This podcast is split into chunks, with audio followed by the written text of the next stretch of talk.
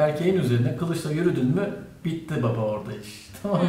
O diğer moda geçemiyor. Yani Kılıçla yürüyünce yani kılıçla yürüdüğünü düşündüğü zaman kadın erkek hangi moda geçiyor? savaşçı moda geçiyor. Hı. Yani orada karşı tarafı yıkana kadar devam edesi geliyor. Yani savaşta kılıcı elinden bırakan savaşı kaybeder. Ya da içimde bir duygular böyle belirdi. Şu anda kalbim sıkışıyor.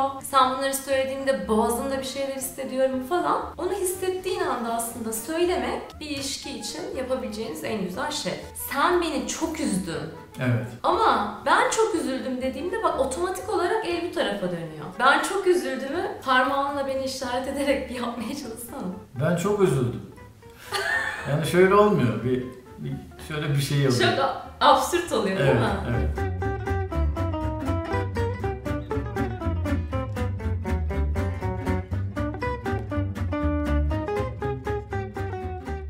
Merhaba ben Gülen. Ben Levent. Şimdi yepis yeni bir konuyla karşınızdayız ve konumuzu Levent'ten alıyoruz. Konumuz şu, ayrılma noktasına gelip bir iki gün küsülü kalıp ondan sonra barışan çiftler var. Şimdi böyle ayrılma noktasına kadar gelen ve sonra orada iki, bir iki gün öyle devam edip sonra tekrar barışmak ilişkiyi zedeliyor mu yoksa daha da güçlendiriyor mu? Bu güzel konuya geçmeden önce sizden tabii ki bazı isteklerimiz var. Böyle konuları size daha fazla anlatalım, bu videoları çekmeye devam edelim istiyorsanız ne yapıyorsunuz? Lütfen paylaşın düğmesine basın. Ne kadar arkadaşınız varsa hepsine gitsin. Rahat olun ya. Gitsin yani. Hepsine gitsin yani. Ve bir de yorum yaparsanız çok seviniriz. Zor bir şey biliyorum ama bari bir nokta falan koyun. İki nokta koyun. O da olur. Kalp koyabilirler. Kalp koyabilirler. Parmak işareti olabilir. O da olur. Parmak işareti de olabilir. Yani ne bileyim bize gaza getirin. Değil mi yani konular yoksa biter. Konular biter biter yani hiç belli olmaz bu işler. Evet, Levent'in bu tatlı tehdidinden sonra zannediyoruz ki bunları yapacaksınız sevgili seyircilerimiz. Çok tartışan çiftlere geri dönelim. İlişkilerde aslında çatışma iyi bir şey. Ama ve lakin çatışmada kullandığımız dil o çatışmayı sağlıklı yapıyor, sağlıksız yapıyor. Ama önce o çatışmalar neden iyi bir şey ilişkinin içerisinde onlardan bahsedelim. Her türlü ilişkinin içerisinde bizim anlaşamadığımız şeyler olur değil mi? Bu gayet normal bir şey değil mi? Tabii. Şimdi seninle olan bizim ikimizin ilişkisinde de seninle hemfikir olmadığımız bir sürü konu olmuyor mu? Oluyor. Ama şimdi sevgililik müessesesinde biz çok daha özensiz bir şekilde çatışma dili kullanıyoruz. Genelde eğer sevdiğimiz bir arkadaşımızsa, sevdiğimiz bir kuzenimizse orada hemfikir olmadığımız konularda çok daha aslında kolayca anlaşabiliyoruz. Katılıyor musunuz söylediklerime? Katılıyorum evet doğru. İşte çatışma sağlıklı çünkü hemfikir olmadığımız konuları biz su yüzüne çıkarıyoruz. Ve diyoruz ki birbirimize ben bu konuda böyle düşünüyorum, böyle hissediyorum, içimde bunlar oluyor diye ben de olanı biteni karşı tarafa söylüyorum. Bunu söylemediğimde neler oluyor?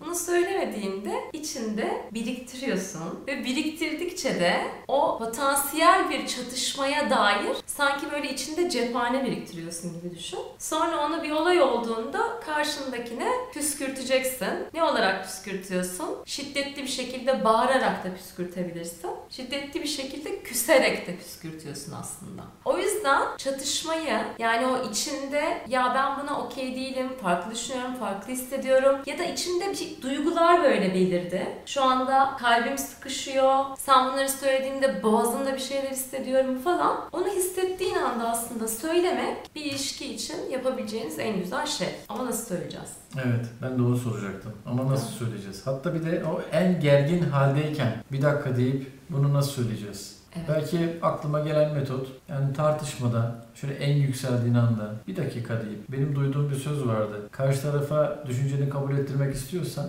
onun beklemediği cümleyi kur. Bu şu seninle kavga etmeye gelen birinin seni seviyorum dediğinde elinde hiçbir silah kalmaz mesela değil mi? Hı hı. O kavga etmeye gelmiş. Ya ben senden çok hoşlanıyorum dediğinde ne yapacağını şaşırır. Buna benzer bir şey belki. Ya doğru söylüyorsun ama şimdi bunu da böyle taktik olarak önerdiğimizde zannedilmesin diye benim hep böyle bir hoca korkusu diyelim. Hani bunu alıp da taktik olarak kullanmayın. Ama Ama gerçekten tartışmaların içerisindeyken birbirinizi ne kadar aslında sevdiğinizi hatırlamak çok önemli. Ve ne için tartıştığını hatırlamak da önemli. Yani ben aslında seninle aynı sayfaya gelmek, seninle duygularımı, düşüncelerimi paylaşmak için bu konuşmanın içerisindeyim. Bunu bilmek çok önemli ve senin söylediğin gibi bunu dile getirmek de çok önemli.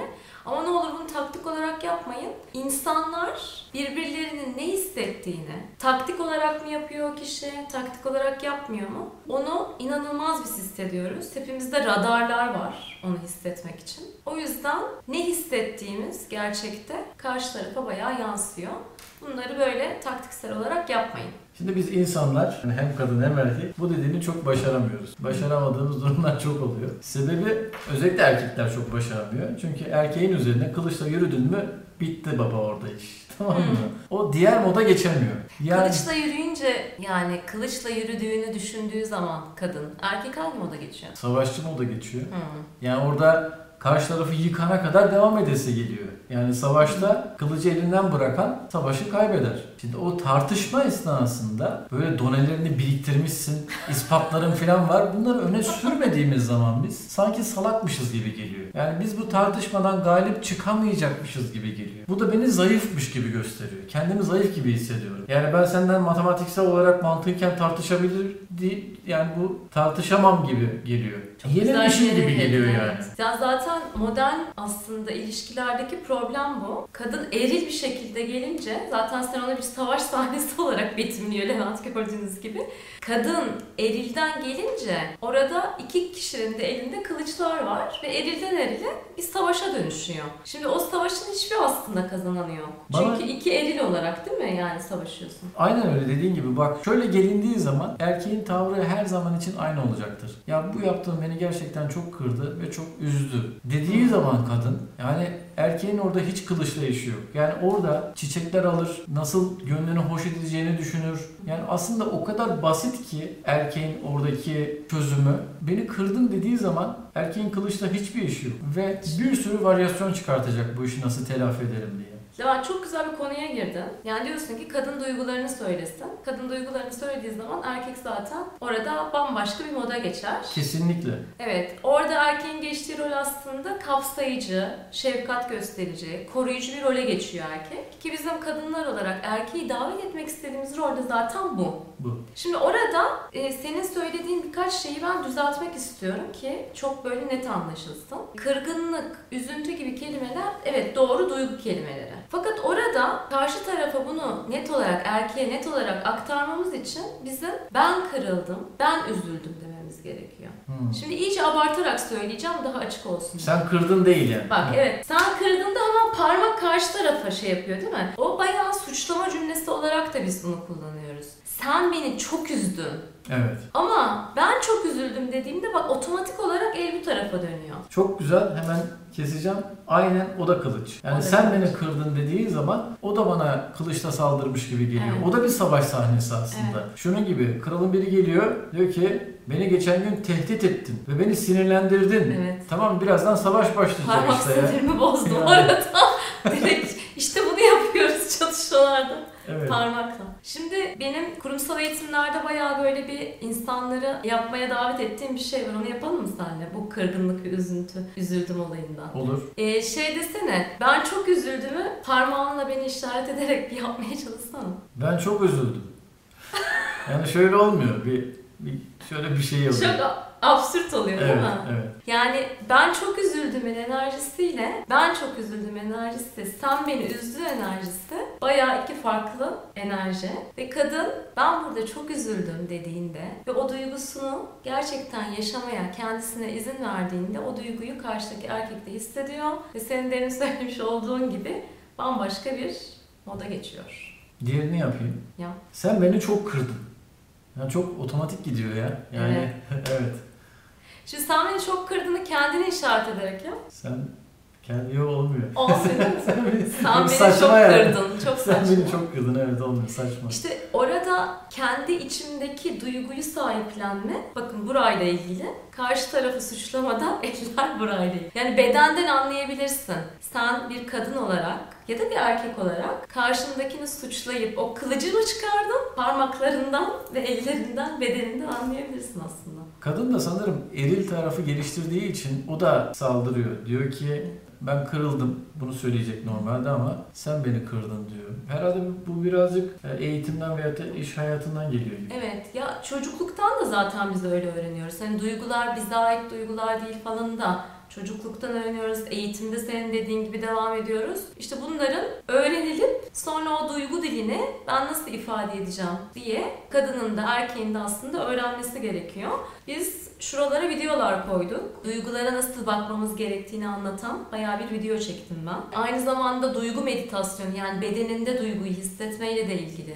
videolar çektim. Kitapta da çok bahsediyorum. Bir de en son Instagram canlı yayınları yaptım. Orada da 3 bölüm bayağı biz duyguları konuştuk. Ne olur onları seyredin. Oradaki alıştırmaları da yapın ve duygularınızla bağlantıya geçin ki bu ilişkilerde iki tane erkek ellerinde kılıçları sallamasın. E biliyor musun? Yani bu ilişkilerden başlıyor aslında. Yani çok böyle mikro olarak düşün. Kadın erkek ilişkisinde bu çatışma yaşanınca o ailede de çatışma yaşanıyor. O toplumda da çatışma yaşanıyor. Hani bugün dünyanın savaş dolu bir yer olduğundan bahsediyoruz. E kadın erkek olarak bizim mikroda aramızda tartışma varken dış dünyada nasıl böyle savaşlar olmasın diye çok felsefik bir konuya gittim ama Ama çok doğru. edemedim. Eğitimlerle bunları düzeltmemiz gerekiyor. Yani eski haline getirmemiz gerekiyor. Fabrika ayarlarını çekmemiz gerekiyor. Çünkü zaten sen bunu doğuştan biliyordun. Matrix'teki bir sahne aklıma geldi. Öğrendiklerini unutman gerekiyor Neo diyordu ya. Bu dünyaya geçiş yapabilmesi için. Evet. Şimdi bu dünyaya geçiş yapabilmesi ve sağlıklı ilişki kurabilmesi için yani aslında öğrendiklerini unutması gerekiyor. Bir mentorun ona öğrendiklerini sağlıklı bir şekilde unutturması gerekiyor ve fabrika ayarlarına dönmesi gerekiyor. Ya doğru. Benim şimdi bayağı bir ücretsiz içerik sağlıyorum ve oralarda insanların evet perspektifleri değişiyor. Ama birçok duyguyla çalışmanın yöntemi bir mentorun desteğini almak. Özellikle mesela öfke çok güçlü bir duygu ve ilişkilerde çok fazla ortaya çıkan bir duygu. Biz öfkeyi o kadar dışlıyoruz, o kadar yok sayıyoruz ki sonra ilişkilerde fiziksel olarak, sözel olarak bayağı kendini şiddet olarak gösteriyor öfke. Halbuki o öfkenin mesajını dinleyebilsen, o öfkeye izin verebilsen yaşamaya ne kadar hayatın değişecek. Öfkeyle ilgili ben konuşurken heyecanlanıyorum. Çünkü ben senelerce öfkesini inanılmaz bastıran bir insandım. Öfke içimizdeki o spontanlığın, canlılığın da kaynağı aslında. Hmm. Yani öfkeyi kontrol etmek için öyle bir sıkıyorsun ki kendini. O kadar katılaşıyorsun ki onu yaşamaya izin vermeden hayatına o canlılığın, spontanlığın gelmesi mümkün değil. O yüzden de öfkeyle çalışmak gerekiyor.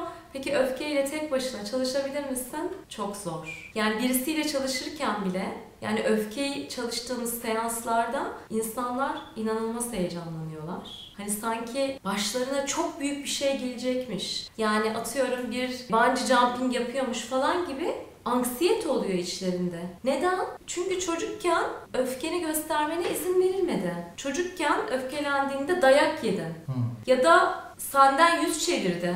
Yani sen yokmuşsun gibi sayıldın çocukken. Ya da sana bağırdılar, azarlandın. O yüzden o öfkeyi çıkarmaya yönelik öyle güçlü bilinç dışında senin kalkanların var ki o kalkanları ancak bir uzmanın o şefkatli desteğiyle, senin arkanda durmasıyla o öfkeyi deneyimlemeye, onunla çalışmaya izin verebiliyorsun. Heyecanlandın değil mi? Evet. Öfke beni heyecanlandırmıştı. Yok gerçekten ama öfke çok güzel bir şey ve biz maalesef onun enerjisini bayağı böyle bastırmaya çalışıyoruz.